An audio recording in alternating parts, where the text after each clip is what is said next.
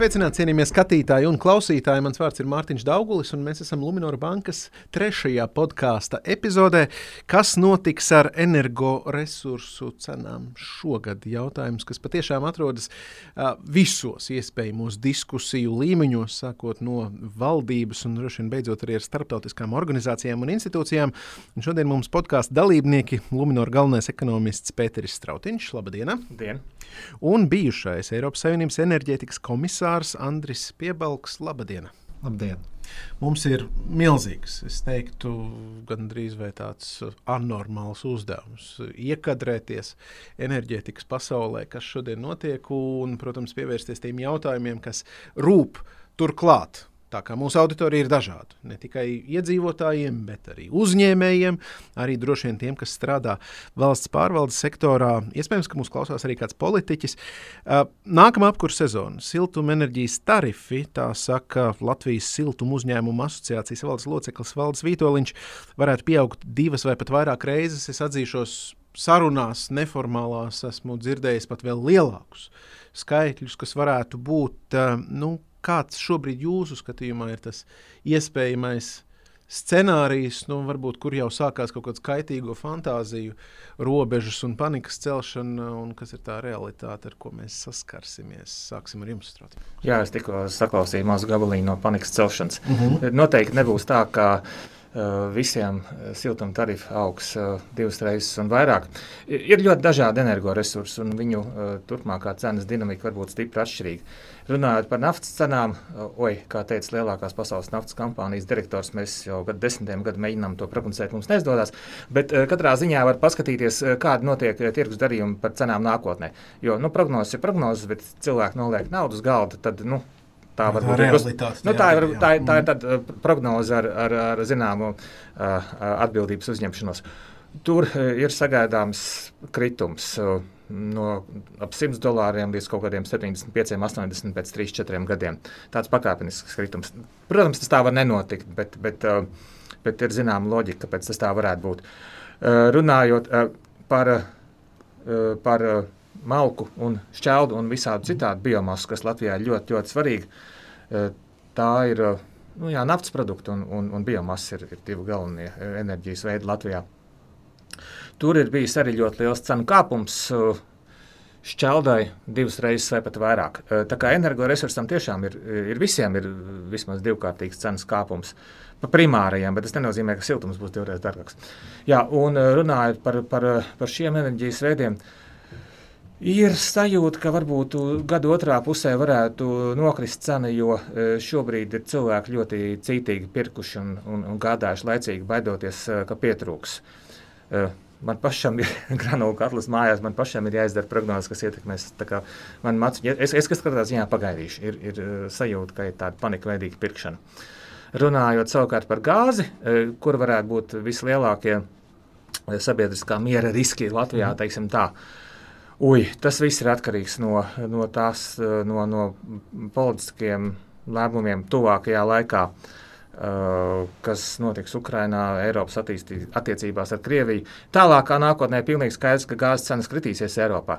Bet, uh, bet nu, pēdējais kaut kāds uh, nepilns gads ir bijis pilnīgi traks, un arī tādi varbūt vēl daži turpmākie mēneši. Un, diemžēl jau ir praktiski nenovēršami, ka vietās Latvijā, kur ir siltums, ir atkarīgs no gāzes, visļaunākais ir pilnībā atkarīgs no gāzes, tur jau ir augstas cenas ir nenovēršams, ja vien valdība nenošķels tā cenu kāpumu virsotni. Kā tas tika darīts laikā no janvāra līdz aprīlim, tad tas tika darīts nu, ļoti dāsni, tie griezti tika noteikti ļoti zemi. Tik zemi viņi noteikti nebūs, bet es pieļauju, ka kaut kādi cenu griezti būs, jo diez vai, piemēram, Reizeknas iedzīvotāji varēs maksāt 200 eiro par megawatu stundu, kas būtu kaut kāds četras reizes vairāk nekā, nekā tur, tur parasti ir bijis. Pie tā mēs vēl atgriezīsimies par šīm iespējām.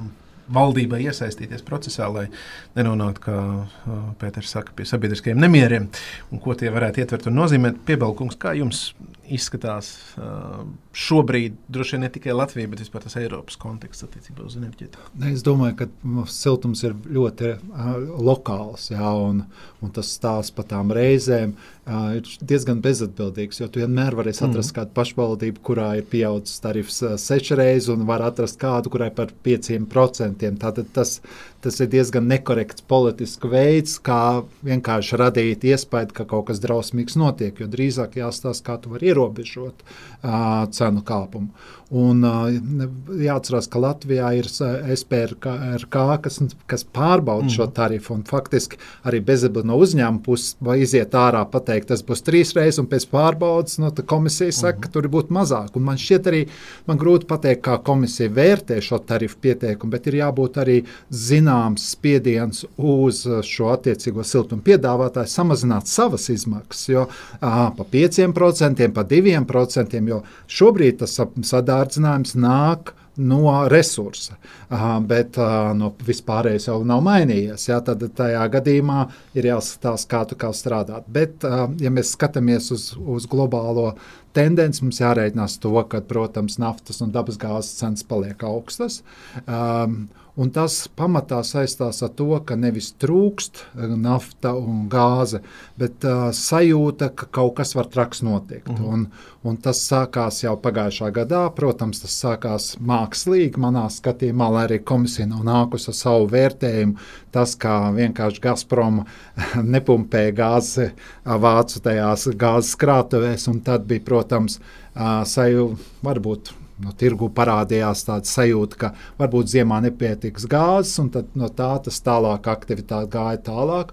Tad, protams, parādījās visas teiksim, pārdomas par to, kas notiks ar Krievijas gāzes mm. piegādēm. Bet jārēķinās, ka visā šajā periodā Krievijas gāzes piegādes ir turpinājušās, un faktiski tas gada dinamika vairs nav tāda, kāda viņi izstājās iepriekš. Arī naftas tirgos uh, ir uh, Krievijas uh, piegādes naftas tirgums samazinājies par 1 miljonu barelu dienā, bet, ja mēs skatāmies to, uz kopējā pieprasījuma, tad tas arī nav pārāk daudz. Tas, ko Pēters teica, ka cenām vajadzētu nedaudz iet uz leju, ja nekas ārkārtējs nenotiek, tas, tam, tam ir sava loģika. Ja mēs atgriežamies vēlreiz pie siltuma, tad pirmkārt nevajag sēt paniku, mm. otrkārt regulātoram jādara savs darbs, un trešais jādomā par to, kā palīdzēt cilvēkiem, vai tas ir uzliekot cenu cepuri gāzē kopumā, vai iet tiešām atbalstu attiecīgu maksājumu gadījumā, vai nu trūcīgajiem, vai visiem, bet uh, visiem, man liekas, tas būtu nedaudz netaisnīgi un pārāk dārgi. Bet uh, valdībai faktiski jārunā par šo, kā palīdzēt tiem, kuriem šī palīdzība tiešām ir vajadzīga. Ja mēs skatāmies uz ārkārtīgi būtiskā niansi, ko jūs abi noakcentējāt, ka nevar slaucīt ar vienu tādu lielu slotu. Katrā pašvaldībā sava situācija, uh, vienā var būt tā, citā citādi. Ja mēs paskatāmies uz Latvijas sabiedrību ja, un iedzīvotājiem, nu, kā tādiem, kuras ir tās grupas nu, visdažādākajās dimensijās. Pilsētnieki, laucinieki, tie, kuri pie gāzes, tie, kuri pie šķeldas, kuras ir tās grupas, par kurām valdībai būs jādomā, kur ir tas, tas sabiedriskā visnokaitātākā, ievainojamākā situācija šobrīd. Man liekas, pirmkārt ir jādala geogrāfiski, mm -hmm. jo um, ir. ir Skaita ziņā lielākā daļa pilsētu un ciemu, visu to centralizēto sistēmu, viņas darbojas ar šķeldu Faktiski viņas, visi, viņas ir ļoti līdzīgas.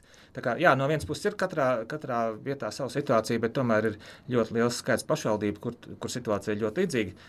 Un, jā, tur, kur ir tā ļoti līdzīga situācija, kur ir visi balstīti uz čeldu, tur iepriekšējā sezonā cena bija kaut kādi ļoti aptuveni 50 eiro par megawatu stundu. Divkāršojoties čeldas cenai, siltuma cena varētu pieaugt par kaut kādiem 40%, teiksim, 70, nu, varbūt 75 eiro par megawattstundu.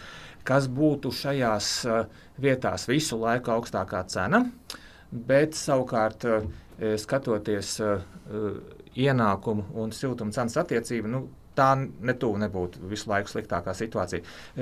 Ir, ir tāds, nu, tāds vispārējais sajūta līmenī priekšstats, ka visu laiku viss tikai kļūst dārgāks. Starp citu, nē, pagājušā gada sākumā siltums Latvijā maksāja lētāk nekā desmit gadus iepriekš, nekā 2011. gadā. Un gāze arī, starp citu. Tas, tas cenu kāpums visur ir diezgan strauji, bet, bet no, no, no, no zemes bāzes. Jā, un tā tad baigi daudz runāju, bet eh, savs atlikums tātad eh, tajās eh, vietās, kur ir kaut kas ir darīts, nu, ir patiesībā darīta pilnīgi pašsaprotama lieta, aizvietojot siltumu ar gāzi, kas ir elementāri, ja vien nav tajā vietā nav mērķis ražot ar elektrību, nu, kā Rīgas teica divi, mm. nu, mhm. tur ir cits stāsts. Tad, tad nu, šajās vietās, es domāju, nu, nevienam īsti palīdzēt speciāli nevajadzēs. Nu, ir, protams, cilvēki, kuriem visu laiku palīdz, nu, kuriem tur visu laiku materiāls grūtības. Tur, Sociālajie dienesti to nodarbojas, un nu, viņa situācija vēl drusku pasliktinās, bet, bet, bet, bet tur nu, šajās vietās nenotiek nekāda katastrofa. Ir, jā, ir atsevišķas vietas Latvijā, Tagad atliksim vairāk Rīgā, kurā, kurā ir gāzes komponenti neizbēgami, ne, ne no pilsētas atkarīgu iemeslu dēļ. Bet uh, ir vietas, kur kur, kur uh, ir, uh, tiek uh, ražots siltums ar gāzi joprojām. Un, tā ir bijusi nu, jāsaka, tieši vietējā neizdarība, maigi izsakoties. Mm. Un tad sanāk tā, ka nu, tajās vietās, pārējā Latvija ir nostādīta faktu priekšā, tajās vietās cilvēki nevarēs samaksāt teiksim, 200 eiro par megawatu. Nu, vienkārši nevarēs. Ne, tur reizē ne, tur viss nezinu, aizsals ciet un, un cauri. Uh, kaut kā ir jāglābj. Bet uh, viņi tiek glābti situācijā, uh, kad uh, nu, tur uh, faktiski visa, visas valsts nodokļu maksātāji uh, maksās par atsevišķās vietās, pašvaldībās uh, konkrēti cilvēku pieļautām kļūdām. Un, un tad tur parādās tas, ko um, finansisti mēdz saukt par, par morālo risku no vienas puses cilvēkiem ir jāpalīdz, bet arī šī palīdzēšana kaut kādā ziņā neveicina uzvedību, kas nu, nodrošina šīs atkarības turpināšanos. Tagad droši vien šajā nākamajā ziemā absolūti pēdējo reizi. absolūti tiešām, tiešām šoreiz pēdējo reizi ir, ir jāpalīdz, bet nu, līdz aiznākamajai sezonai ir jānodrošina, ka šāda situācija vairs nerodās. Mhm, šajā gadījumā mēs droši vien, par Reizekni arī runājam. Ne tikai, kur, bet ne? tas ir laikam nu, tāds spilgtākais. Spilgts, spilgts, mm -hmm. jā. Bet loģiskākais, kas varētu būt tas risinājums, ir, ka valdība vienojas par maksimālo pieaugumu procentu. Mm -hmm. Uh, un tad piedāvā vēl pa pašvaldībām palīdzību, jo tas ir valsts atbalsts, bet uz noteiktu laiku un pie noteiktiem nosacījumiem, ka šī palīdzība tiek dota, ja tiek pieņemta šāda lēmuma. Protams, pašvaldība var atteikties, bet uh, Bet maz varbūtīgi, maz varbūtīgi. Jā, tas, man liekas, ir tas loģiskākais variants. Var, protams, iet variantu, ka mēģināt likt cepuri gāzē vispār, uh, jo tas ietekmēs arī elektrības cenu, tā kā to tagad dara Spānija un Portugāla. Bet uh, tas. Uh, tas ir diezgan riskants pasākums. Ja jautājums, cik daudz naudas tev ir, lai to izdarītu, ja, tas, tas, tas ir bijis riskanti. Jā, jo šajā gadījumā Iberijas pussalā ir diezgan maz kopsavienojumu, mm. un tad to var daudz maz regulēt. Tas šeit diez vai, vai, vai būtu risinājums. Bet, jebkurā gadījumā par šo gāzes cepuru ar vienu vēl diskusijas arī ir Eiropas līmenī, vai nevajadzētu kaut kādā mērā viņu fleksibli nu, ierobežot un tad vismaz ir kaut kāda priekšstats, ka cena atsitīsies pret kaut kādu līmeni.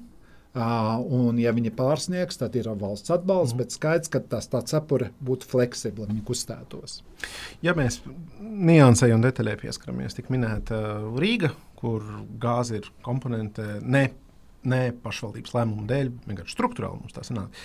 Uh, un, uh, nu, mums ir daudz arī droši vien mikrorajonu, kur ir cilvēki mājās, kur ir siltums, pieslēgums, kur ir zema energoefektivitāte.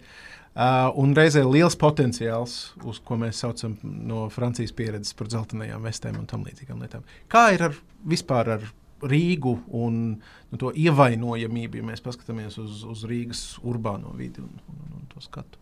Jā, nu Rīgā tā gāzes komponente neizbēgama tāpēc, ka Latvijā un Baltijā vajag Rīgas teica divi. Uh, ja nebūtu viņš modernizēts, palielinot elektrības e, ražošanu šaudu un efektivitāti, tad Baltijas elektrības tirgus būtu bijusi katastrofa jau, jau, jau ilgāku laiku. Uh, tas ir jā, Latvijā un arī ļoti, ļoti vajadzīgs objekts Lietuvai. Tātad uh, tur elektrību ražos, elektrību ražojot, tur rodas siltums būtībā kā pārpalikums. Uh, šo siltumu izpūst gaisā un pēc tam vēlreiz ražot siltumu, dedzinot čaudu, protams, ka nebūtu loģiski. Līdz ar to, kamēr vien nav izgudrota kaut kāda, piemēram, biomasas gazifikācijas tehnoloģija, kas ļauj iegūto produktu sadedzināt TC2, nu, tikmēr, tikmēr dabas gāze tiks dedzināta.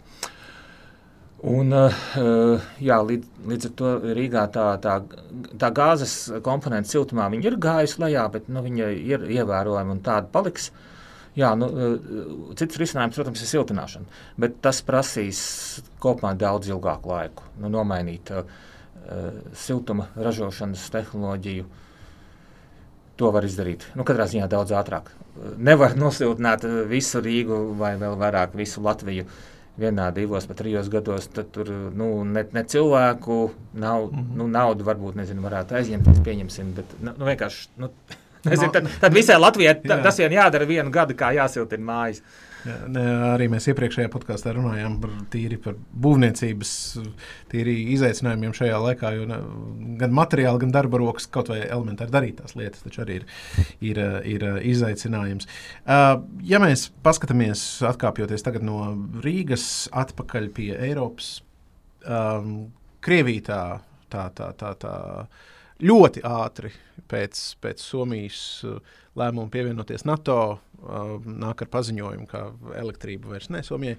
Kā kopumā šādas lietas ietekmē enerģētisko mm, es teiktu, garu un filozofiju Eiropā. Padomāju par to Somijas paziņojumu. Pirmkārt, vai viņi pārtraukuši, nekas nav teikts. Viena mm. lieta ir paziņot uh, savā laikā, bet Vedevs arī sauc gāzes cenu. Jā, tas var palikt tikai pie retorikas. Jā, tas, mm. tas, tas pirmkārt. Otrkārt, viņiem savienojumi, viņi ir, viņiem ir tas back-to-back, -back, tā sauktais. Tātad īstenībā viņiem Viņi var pilnīgi atļauties to nedarīt, jo uh, Somijas uh, kopējā jauda uzstādīta 17,5 gigawati, uh, un viņiem varētu būt problēma tikai tad, ja viņiem ir pīķi jauda, ka viss strādā, bet pie šādām energoresursu cenām daudz kas nestrādā, uh, un viņiem ir pietiekami savienojumi. Tā kā faktiski tā ir vienkārši retorika, kas parāda, ka Somija īstenībā ir ir diezgan nu, droši, jo Somija ir ārā arī no Krievijas gāzes, Somija ir ārā no Krievijas naftas. Tātad, ja mēs pirksim Nestējā pēc kaut kāda laika, tad mēs droši varēsim teikt, ka tā nav Krievijas uh, prece nekādā veidā. kā, bet, tas, ka Krievija ik pa laiku spēlē to, un tā, tas ir visizteiktākais ar šo rubli. Tas, tas ir viss, teiksim, tāds sarežģītākā lieta, jo uh, Uh, ir ļoti skaidrs, ka, ja tev, tev tur līdz tam, kad norēķinies pa gāzi, tikai tajā gadījumā, ja tu esi uh, dabūjis rubļus no Krievijas bankas, tas ir neapšaubām sankciju pārkāpums. Un, un, un tas ir tas, kas, kas var radīt kaut kādas problēmas. Bet Putins jau teica, ka viņš pārtrauks gāzes piegādi 1. aprīlī. Šobrīd, man liekas, ir maija 15. un Krievijas gāze turpinās. Tā kā Tā, tā ir retorika. Krievija nevar iztikt bez Krievijas gāzes. Viņi var mēģināt šķelt, kā viņi saka, no nu, Bulgāri nesaņems tagad, vai poļi nesaņems, vai nelaist noteiktajā virzienā, bet pēc tam tā gāze var būt. Tā kā šeit ir ļoti daudz. Um, Neteiksim dezinformācija, bet nepilnīgas informācija, un nevar visam šim skriet pāri. Tajā pašā laikā ir viens, kas ir skaidrs, ka Eiropa iet ārā no Krievijas gāzes un ieviet ārā no Krievijas naftas. Un ja pa naftu mēs varam rēķināties jau teiksim, līdz šā gada beigām un naftas produktiem.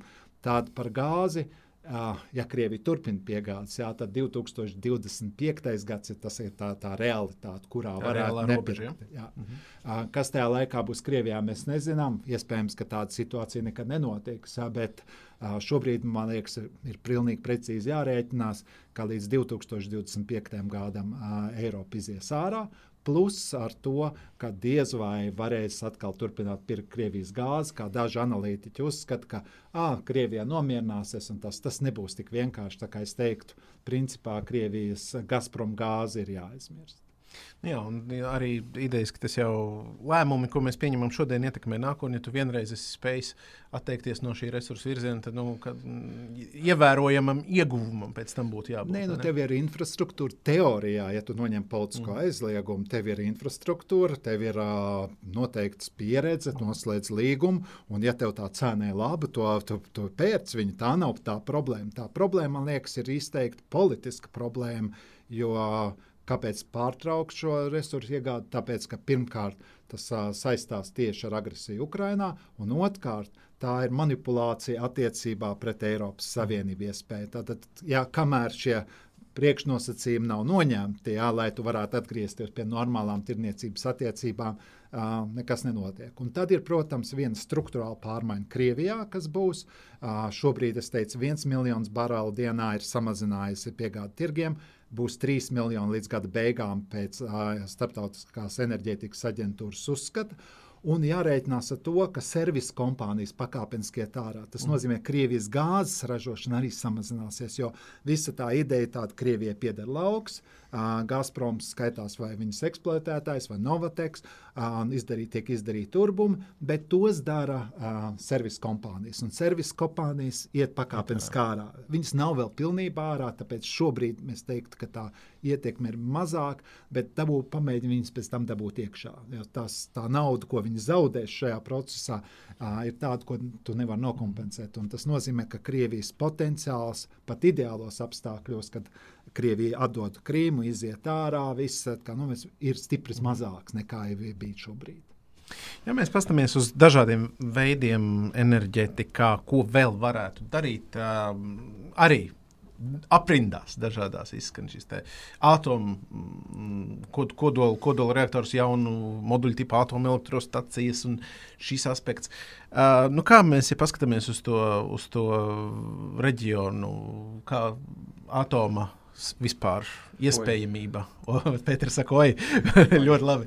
Kā tur izstāstīt? Ar, ar atomelektrostaciju tā, ka viņas būvniecība, protams, ka viņa ļoti uzlabotu Baltijas apgādes drošību.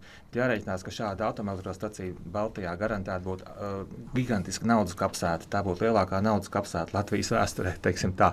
Viņi strādā šo. Tur, labi, ja būvējam, tur ir uh, tas, tas kurš to būvējumu finansē, viņam jārēķinās ar, ar vairākiem miljardiem eiro zaudējumu neizbēgam. Jo, teiksim, ja tiks uzbūvēta šāda, nu, pieņem, sāksim ar to klasisko variantu, liela stacija, nu, kuras mūsdienās būvē tā gigawatts plus uh, jaudas lielumā. Tur, protams, uzreiz ir tādā mazā tirgu elektrības cena tālu lejā. Mhm. Uh, Ļoti labi no vienas puses, bet tā stacija, nu, atomenerģijai ir divas lielas priekšrocības. Tā ir vienlaikus vadāma un uh, zemu, ļoti zemu CO2 izmešu uh, bet tā ir ļoti dārga. Pēc jaunākajiem rēķiniem tātad sauszemes vēja stacijas, staciju elektrība ir kaut kur četras reizes lētāka jau. Un, un tur tās līnijas iet pretējos virzienos. Par atomu runā vispār runā tikai tāpēc, ka viņš ir vadāms un viņš ir CO2 gandrīz neitrāls. Citādāk, bet viņš ir dārgs. Un šādā mazā Baltijas tirgu, kurā ir starpsavienojumi, bet viņi nav, nu, viņa jauda nav liela un, cik viņi savienot ar citiem tirgiem, kur, kur elektrība visumā lēta viņš, viņ, tā stacija ir rītīgi nodzīta lejā cenu. Labi, bet uh, tam, tam, kas to staciju būvē, tie būtu milzīgi zaudējumi. Tāpēc es domāju, tas nenotiks.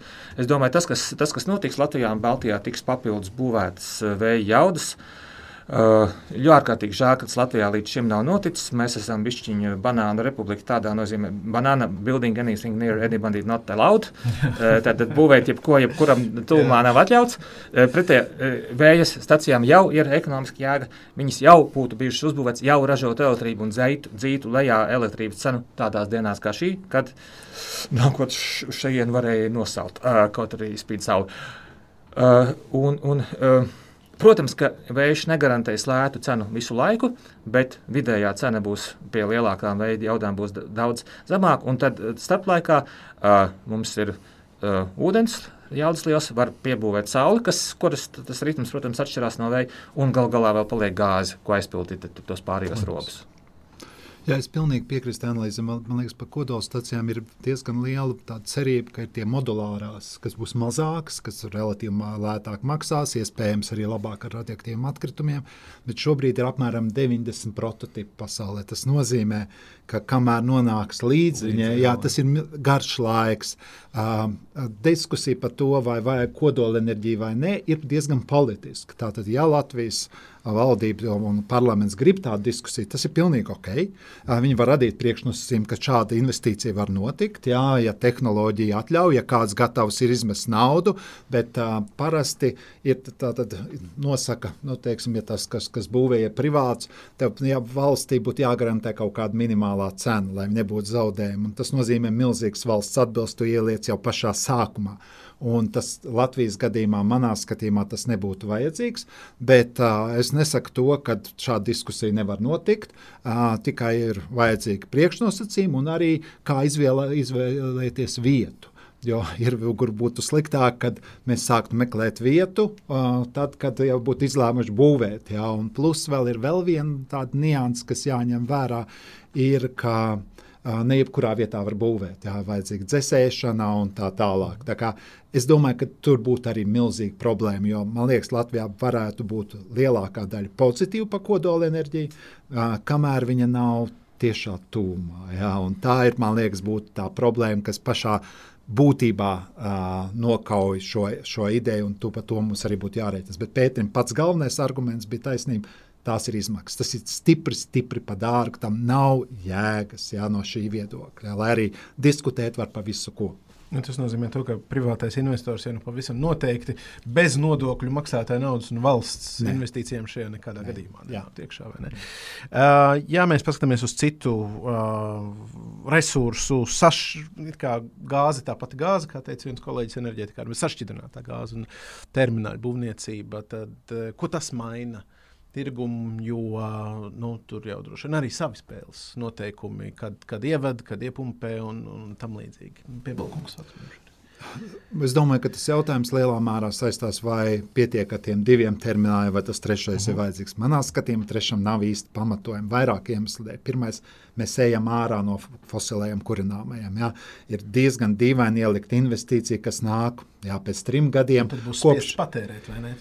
Ne jā, tev, tev, tev mm -hmm. kaut kādā veidā būs jākompensē vai tam zaudējums vai kā, jo, jo, jo ja kāds būvē viņu tad uh, viņš rēķinās kādiem 25, 30 gadiem, lai viņš varētu atpirkties. Tad, tad, un arī ir vēl viena nianse. Vispirms jāpieņem galējais investīcija lēmums, un tad vēl trīs gadi vidēji būtu. Jā, tas, tas, tas manā gadījumā nerisina to, to problēmu, ka mums šobrīd ir.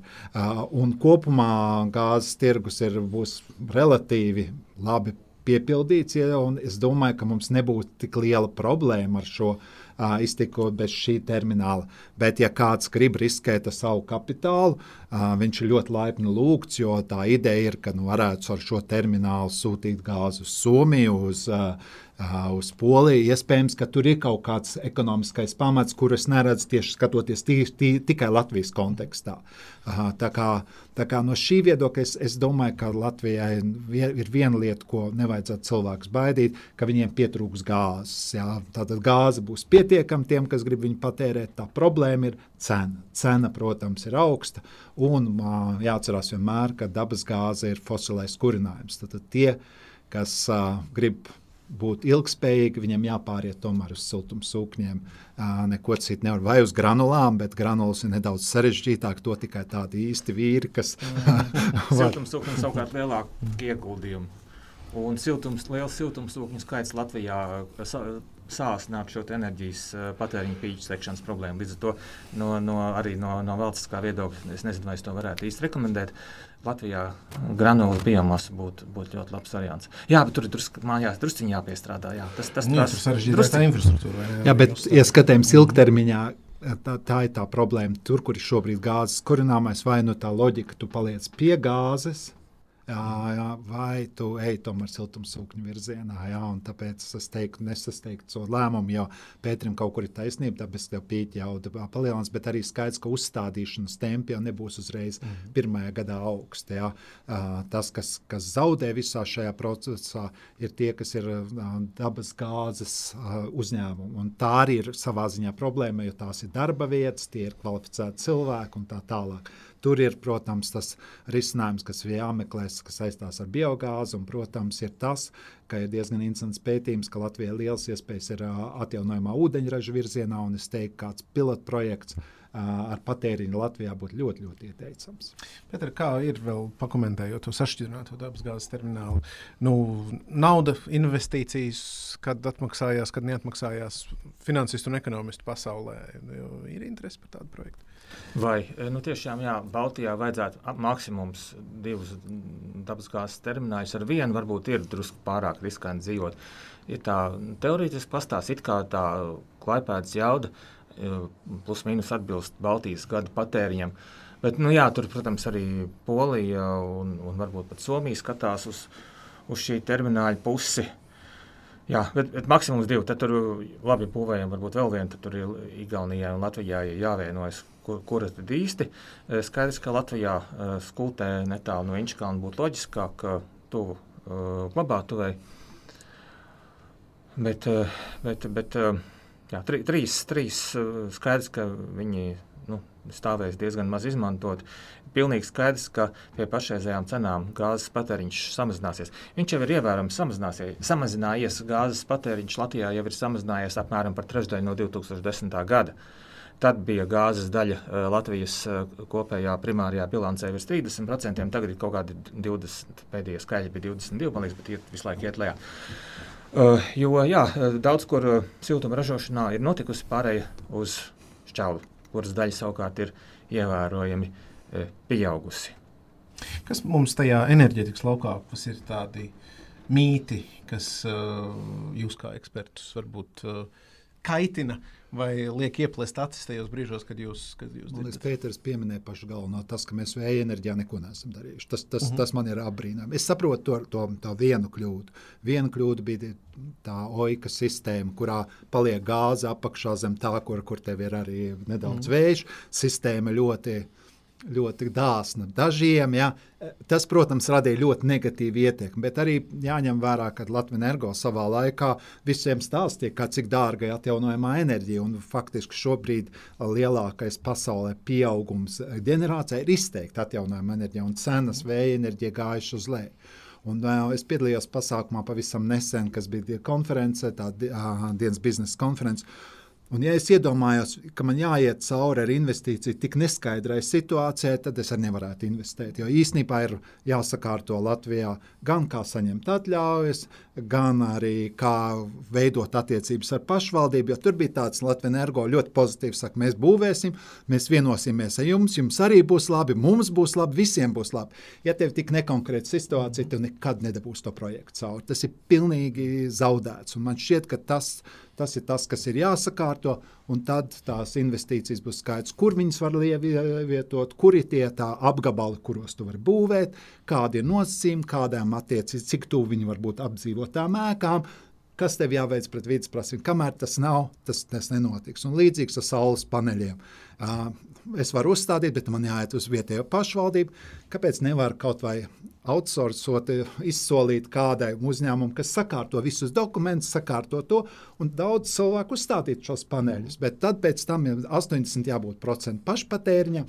Nu, daudz kur citur, vismaz kur es interesējos, tādu nosacījumu nav. Kāpēc man būtu tas obligāti jāspiež? Jo tad man atkal ir sarežģīta birokrātiskā puse ja no Latvijas interesēm ir, ka vairāk cilvēku uzstāda saules paneļus, tad viņi ir jāveicina, nevis otrādi jāmēģina tiem cilvēkiem radīt papildus grūtības, ko pārvarēt. Jā. Un tāda ir sajūta, kad, kad domās ir, mēs esam ar to investīcijā galīgi tie nosacījumi ir ir, ir, nu, ir nesakārtota. Bet arī, ja drīkst papildināt, tā tāda, nu, nevar to saukt par kaut kādu nolūku, ļaunprātību. Tas ir varbūt vienkārši stils, kā mēs, ja kaut ko kaut ko piedāvājam, tad administratīvi un sarežģīti. Kas tas nav tik grūti atcerēties. Man liekas, nu, pie, es, es, pie, piemēram, mums ir programma tagad kā saules paneļu uzstādīšanai, kurā tev jābūt bērnam ģimenē. Kāpēc, ja ir jauna ģimene, vai nu, vienalga, kāpēc vispār kaut kāda nosacījuma jābūt? Un tas ir 3,6 miljoni. Ieliekat labāk birokrātijas sakārtošanā. Uh, 40 miljonu automobīļu pirkšana. Nu, tas nav nopietni. Labāk ieliekat to naudu, lai būtu elektrības lādēšanas infrastruktūra. Jo nu, nāks tie auto, viņi būs labākā cenā arī citiem. No 40 miljoniem mēs neatrināsim. Un, ja viens pazīstams cilvēks vēl nopērk šo mašīnu ar to valsts atbalstu, tas rada negatīvu iespēju, nevis pozitīvu iespēju. Bet nu, tādi ir tie nosacījumi. Nu, domājam, kur mēs liekam to naudu ko mēs veicinām pārmaiņas. Bet vislabākais ir sakārtot investīcijas. Un nu, galējā, ja nevienam nepatīk vēja, nu, tad pieņemat likumu, ka nekādu vēju Latvija neizmantos. Nu, nu, tad arī būtu skaidrība. Bet arī skaidrība. Bet, man liekas, tā jau ir lielā mērā atrisināt problēmu, cik man zināms, teiksim, kaut vai uh, ies uz priekšu tas lielais Latvijas energo un Latvijas valsts mežu uh, projekts apmēram par miljardu, kur ļoti daudz kas atrisinātos. Uh, tur, teiksim, izvietot tos ģenerators vietās, kur tūmā neviens nedzīvo, tur uh, zemes īpašnieks valsts, un tur, tur daudz kas iet ātrāk uz priekšu, pieļauj arī liels uh, iepirkums iekārtām, tas, tas varētu būt izdevīgi. Uh, un, un uh, savukārt, runājot par to vēja jaudu uzstādīšanu citās vietās, teiksim, kaut kādās privātajās zemēs, piemēram, tā, ārpus tā Latvijas valsts meža un Latvijas energo projekta. Tā problēma īstenībā neatšķirās no, no situācijām, daudz neatšķirās no situācijām, kas rodas ar jebkādu industriālo objektu uzstādīšanu. Latvijā ir bijuši slikti piemēri ar, ar visādu investoru, sakot, vienkārši sakot, pasūtīšanu. Un tur bija gan kaut kāda vienkārši vietējais stulbums, vēlme pil, pelnīt politiskos punktus stulbā veidā. Dažkārt tas noteikti tāpēc, ka investoram uz vietas kāds ietekmīgs cilvēks lūdz dalīties. Arī tāds mhm. stāsts ir, ir, ir Latvijā, un tad kādam tas ir pieņemams, kādam nē. Un tā, uh, Tas, tas, es domāju, ar, ar, to, ar to vēju. Es esmu skeptisks. Jā. Es domāju, tas ne, nu šajā gadījumā ir divi valsts uzņēmumi, uzņēmumi kas ir katastrofa. Tā nav katastrofa. Būs. Nē, tas ir tieši Latvijā, divi, tas ir, labā, tas ir Latvijā labākais variants. Tur ir vairāk plusi, teiksim, tas, ka to dara Latvija energo. Ja tā vēja jaudu integrēšana ar, ar gāzi un ūdeni notiek vienā uzņēmumā, tas, tas varētu būt vēl efektīvāk nekā, ja tas notiktu ar tirgus mehānismiem. Iespējams. Uh, Tāpat tiešām tas mērogs ir liels, tur būs iespējama liela mēroga lēmuma pieņemšana. Un tas gal galā neaizliegs arī citiem vēl uzstādīt uh, vēja jaudas, jo, jo nu, ja tajā brīdī, kad būs uh, liels ražošanas apjoms, ja nevarēs to pārdot Latvijā, nu, varbūt nu, tas aizies kaut kur citur reģionā. Es neesmu redzējis. Es Pēterim piekrītu visur un ļoti cienu, bet šajā jautājumā es uzskatu, tas nav gudrākais. Jo pirmkārt, Latvijas energo uh, Tas, ko Pēters teica, ka visi trīs ir kopā, ir drīzāk mīnus nekā pluss. Ja tev ir gāzes jaudas, tu esi interesēts viņus izmantot. Un es pārāk interesēts vējā. Nu, labi, tā valdība man spiež. Ja reiz okay. rektors ir uzstādīts, viņš ražo elektrību. Tālāk divi valsts uzņēmumi, viņi, viņi sadarbojas, vai tas ir jauns uzņēmums, kas būvēs to? Jā, jā tā ir juridiskā forma. Jā, ta, ta, no, tas arī ir tālāk. Un kāds ir laika rāmis, jo principā, ja vēja parkam sakārtot dokumentāciju varētu nu, gada laikā maksimāli, tad uzstādīšana ir faktiski nu, vēl vēl viens gads, un pēc diviem gadiem tev ir, tur nav nekāda problēma. Šeit, es domāju, mēs būsim patstāvīgi ilgi, un meža, Latvijas mežiem tas nav viņu profils. Viņiem ir savs bet darbs. Jā, viņi ražos. Viņiem, viņiem, viņiem jāvienojās. Ar... Nu, kas tur grūti? No nu, ir grūti, ir nu, grūti. Nu, Pēter, es esmu nu, bijis valsts pārvaldē, tas saistīts. Šie, šie tas nefunkcionē. Man, šobrīd, šobrīd pēc gada mēs varam tikties. Mēs, pēc gada es jūs man uzaiciniet, un tad redzēsim. Es, es atvainošos Pēterim. Tieši, ne, neko, ne, nav jāatvainojas, bet tieši bet, šāda, bet, šāda veida pieeja ir, ir lieliski iespēja samazināt dažādas procedūras un arī virsizmaksas šādi projektiem. Man jautājums. Tavs muts dievals. Uh, jā, es domāju, visi par vienu, vienu lietu domājam. Man jautājums ir pirms, nu, tas bija ārkārtīgi sen, jo piebalkums jūs bijāt komisārs, un tad Rīgā notika viena tāda dinamiska konference, kur jūs nebijāt, bet tā bija akadēmiska konference, un tur viens no pārstāvjiem teica, ar enerģētiku vienmēr ir grūti, jo no vienas puses tur ir uh, cietās lietas, jā, infrastruktūra, uh, aprēķina resursi, no otras puses tur ir tik daudz politikas, un mēs īsti nesaprotam, kā tie lēmumi kaut kādos brīžos top.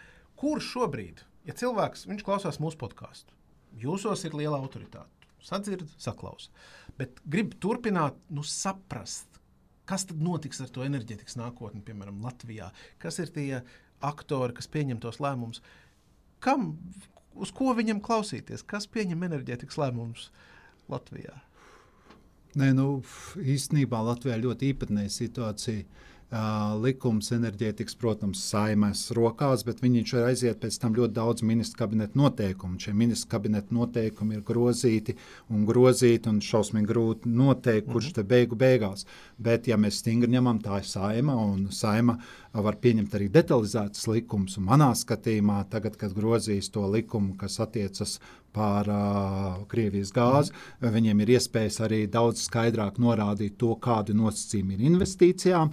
Un, uh, ja viņi grib, viņi var pieņemt šo atsevišķu likumu, šo vēja parku, Latvijas meža, Latvijas energo, šo brīnumu un, un, un nodefinēt, kāds tā, kāds tā uzņēmuma forma ir, kas, kas zem kā viņi ir. Jā, jo es, es tiešām do, gribētu to redzēt ļoti skaidri, jo, ja tāds, tāda investīcija notiek, tad, ja es esmu privātais, tad man mazāk nu, interesi te vairs nāk, jo tie, tie viņi tiešām vienojas, un tā ir milzīgs jaudas, un viņiem ir teritorijas ļoti labi. Bet, Bet es, man liekas, ka tomēr ir jāstāsta saimnes virzienā. Saima ir visa vara šajā valstī, un saima var arī noteikt citu detalizācijas pakāpi arī par to, kādā veidā pāriet jā, uz bezemisiju. Uh mhm. -huh bezemisiju enerģētiku, jo tas jau faktiski ir aizmirsies Latvijā. Mēs ilgstoši dzīvojam no tā, ka mums ir ūdens, un tas deva un dod ar vienu augstu atjaunojamās enerģijas izmantošanas pakāpi. Un, ja mēs apstāmies tajā pašā Somijā, viņiem ir stipri vairāk vēja izmantots, kaut arī vēja potenciāls tur ir stipri mazāks. Tāpat arī saules Somijā izrādās ir vairāk nekā Latvijā. Un to, ko saražo Somijā vēja stācijas, viņš vairāk kā kodolstācijas saražo. Tā kā mums ir faktiski saimai jāķerās pie šī jautājuma arī ilgākā termiņā, vidējā un garākā termiņā. Tā kā var ir saimai. Tā būtu tāda kā likuma kvalitāte arī, jo droši vien, ja mēs aizējām līdz MK noteikumiem no politikas procesa iedokļa, tur ir grozīt, pārgrozīt un, un, un, tā ir problēma. Jā, un, un, un, un manā skatījumā visiem jāinvestē. Pēters varbūt ir visu investējis. Es, piemēram, gribētu investēt saules paneļos. Pie, esošās sistēmas man nevisai patīk tāds. Es gribētu skaidrāk to likumdošanu vai noteikumus. Ja. Tāpat mums gribam vai mēs negribam, mēs iesim pie siltumsūkņiem. Ja? Kā tas process notiek, Pēterim taisnība, ja visi tagad sanesīsies, tā nav laba ideja, ja? bet virziens ir diezgan skaidrs. Vai arī, nu, teiksim, mēs kā, kādā veidā ir šī miedarbība ar biomasu, bet biomasa ir vien, viena interesanta lieta. Ja Anglijā viņi ko, ko, ko, ko akmeņogu stacijās, lai samazinātu izmešus, sāk izmantot lielos apjomos biomasu, à, varbūt biomasas īpašnieks sūtīs uz turieni. Tad tur ir vairākas nianses, kas ir jāizdiskutē, bet manā skatījumā mums jādabū neutralitāte, oglekļa neutrālitāte 2050. Mums jāuzzīmē tie galvenie nosacījumi un investīcijas jāpiesaista ne tikai no valsts, bet arī no privātajiem. Ja, skaidrība šajā publiskā privātā partnerībā droši vien arī tās ietvaros. Viņi to saprot labāk. Banķieris tad, tad, tas nākamais acu pāris, kas uh, arī papildus vēl izvērtē, vai, vai tas šķiet saprātīgi un tā. Uh, mēs, mēs bankas neies enerģētikā, bankas neies ražošanā, tas nav mūsu biznesa. Nu, mēs tikai uh, tikai tā kā, tā kā izvērtējam to, to finanšu rāmu, vai tas šķiet saprātīgi iet kopā un tā tālāk. Tā kā, nu, Kas šobrīd šķiet saprātīgi? Piemēram, Vai es varu par bankām? Jo man liekas, ka ir divas lietas, kas ir šausmīgi. Viena ir ļoti laba bankām, otra mazāk laba. Tā ļoti labā lieta ir, kad faktiski mēs ejam pārēji no, no fosilējiem, tātad no naftas, gāzes, oglēm uz kapitāla intensīvām investīcijām, jo visas investīcijas, siltumsūknes, vējš, saules baterijas, visas ir kapitāla intensīvas. Viņas pēc tam ir nānās. Tātad faktiski bankām ir izcils laiks.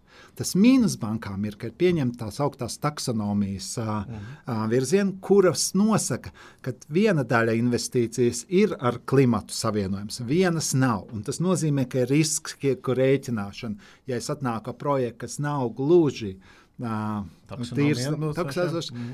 Es varu finansēt, bet zināms, zinām problēma ir. Un tas portfeļu veidošanās var būt grūti. Bet katrā ziņā šī pārmaiņa ir izcils laiks bankām. Tā kā es Pēteru apsveicu, viņam būs daudz darba ar, ar šiem projektiem, ja daudz maz likumdošana sakārtosies. Jā, jā tas tiešām nav slikts laiks bankām, jo pārējai uz atjaunojumiem resursiem tā lielā mērā ir enerģētikas mainīgo izmaksu aizvietošana ar fiksētajām. Un tas ir gan ražošanas pusē, gan arī patēriņa pusē. Teiksim, mašīna ir dārgāka nekā iekšzemes dzinēja mašīna, bet viņas uh, enerģijas patēriņš naudas izteiksmē un arī enerģijas vienību izteiksmē ir daudz mazāks. Jā, tā kā mēs nesūdzamies par dzīvi, bet nu, vispirms ir enerģētiķiem jāizdara savs darbs, un tad, tad mēs vērtēsim. kā jums iet kopā tā taksonomija ar, ar nu, šī brīža realitāti, arī pieprasījumiem no uzņēmumiem? Un Vai, jā, es esmu dzirdējis šo, šo vārdu, un, un ir, ir jomas, kur uh, šī taksonomija var radīt kaut kādas galvas sāpes, bet enerģētikā es tiešām nesagaidu. Uh, tur par atomelektrību, cik viņi tur ir, ir vai nav zaļi. Tur bija liels strīds Eiropas līmenī, bet tiešām laikam Baltijā nu, šķiet, ka nebūs liels, vismaz liela stacija.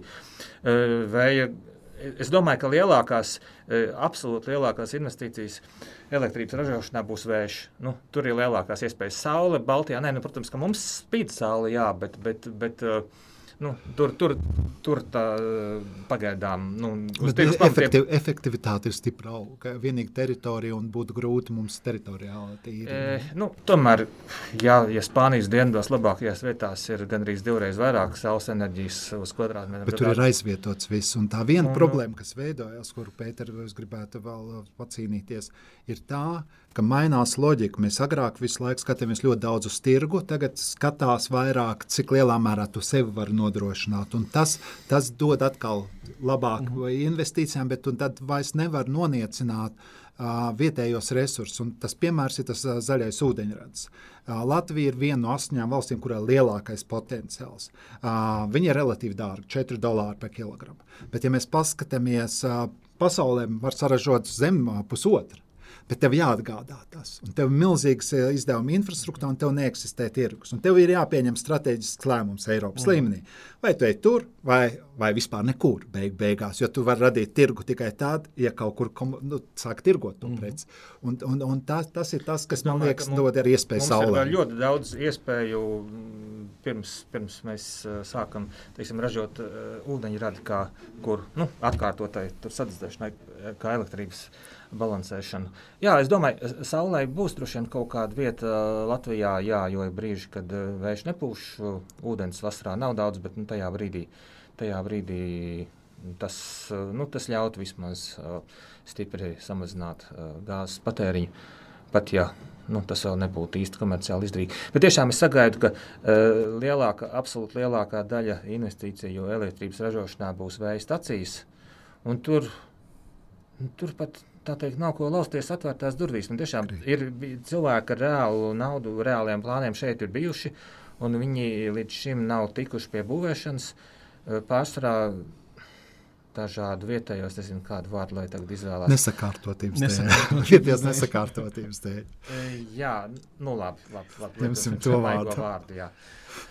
Uh, nu, ko, paldies. Uh, manuprāt, labas atziņas uh, arī tīri no politikas perspektīvas. Galu galā mēs taču sagaidīsim jaunu saimu rudenī un skaidrība šajā lietā, um, kā pieņem lēmumus enerģētikā. Ārkārtīgi svarīgi. Piebildu kungs dzīvo ļoti man līdzās šeit dzīvu ķermeņa valodu, pieminot jauno saimu. Kas, kas, kas tur būtu tāds? Kas... O, tā būs labākā no tām saimām, kas mums ir bijusi. Kā... Nē, es domāju, ka daudz kas mainās politikā, un es redzu, teiksim, tā viena bija, protams, politiskā aizvērtība pret atjaunojamām enerģijām arī. Mm, un tagad ir cita paudze, un tā skatās daudz savādāk. Viņi arī skatās ne tikai uz politiskajiem procesiem savādāk. Es esmu faktiski ļoti optimistisks, ja tā godīgi. Es esmu ļoti optimistisks. Nevis tas, ka tur nebūs daudz partijas, būs daudz partijas, bet kopējā domāšana, ja manā skatījumā, labā, mainās. mainās. Filozofija mainās, viņi ir daudz atvērtāki pasaulē, viņi ir daudz aktīvāki, viņi ir, uh, viņi ir moderni, viņi ir arī liberālāki, kas man ir arī tuvu. Un pozitīvā ziņa savukārt no mm, Strautiņa kunga puses par to, ka paniku šajā jomā nav vietas tai, un bilde ir detalizēta, un ir arī atvērtas durvis dažādiem enerģijas veidiem. Jā, tur tas nepalīdzēs. Te tiešām runājot par, par uh, nākamo ziemu un apkuri, tur ir, nu, ir tiešām ir nu, lielas, eh, lielas, lielas nepatikšanas, eh, lielas problēmas. Bet nu, kaut kā jau viņas risināt var. Tas maksās dārgi, un nu, valsts nevar atļauties mūžīgi uh, to darīt. Bet, bet uh, nu, vienu ziemu būs vēl kaut kādi uh, īpaši ārkārtas pasākumi jāveic. Paldies! Uz šīs nots mēs šodien arī noslēdzam. Bijušais Eiropas Savienības enerģijas komisārs Andris Piebalgs. Paldies, paldies par jūsu laiku. Un Luminora galvenais ekonomists eh, Pēteris Strautiņš. Paldies! Mans vārds bija Mārtiņš Daugulis. Ir vēl joprojām Mārtiņš Daugulis un arī būs nākamībā. Es pieņemu arī nākamajā podkāstā, kurā tiksimies Luminora bankas podkāsta ceturtajā nākamajā epizodē. Paldies jums un lai uh, enerģiski un enerģētiski bagāta diena. Visu labu!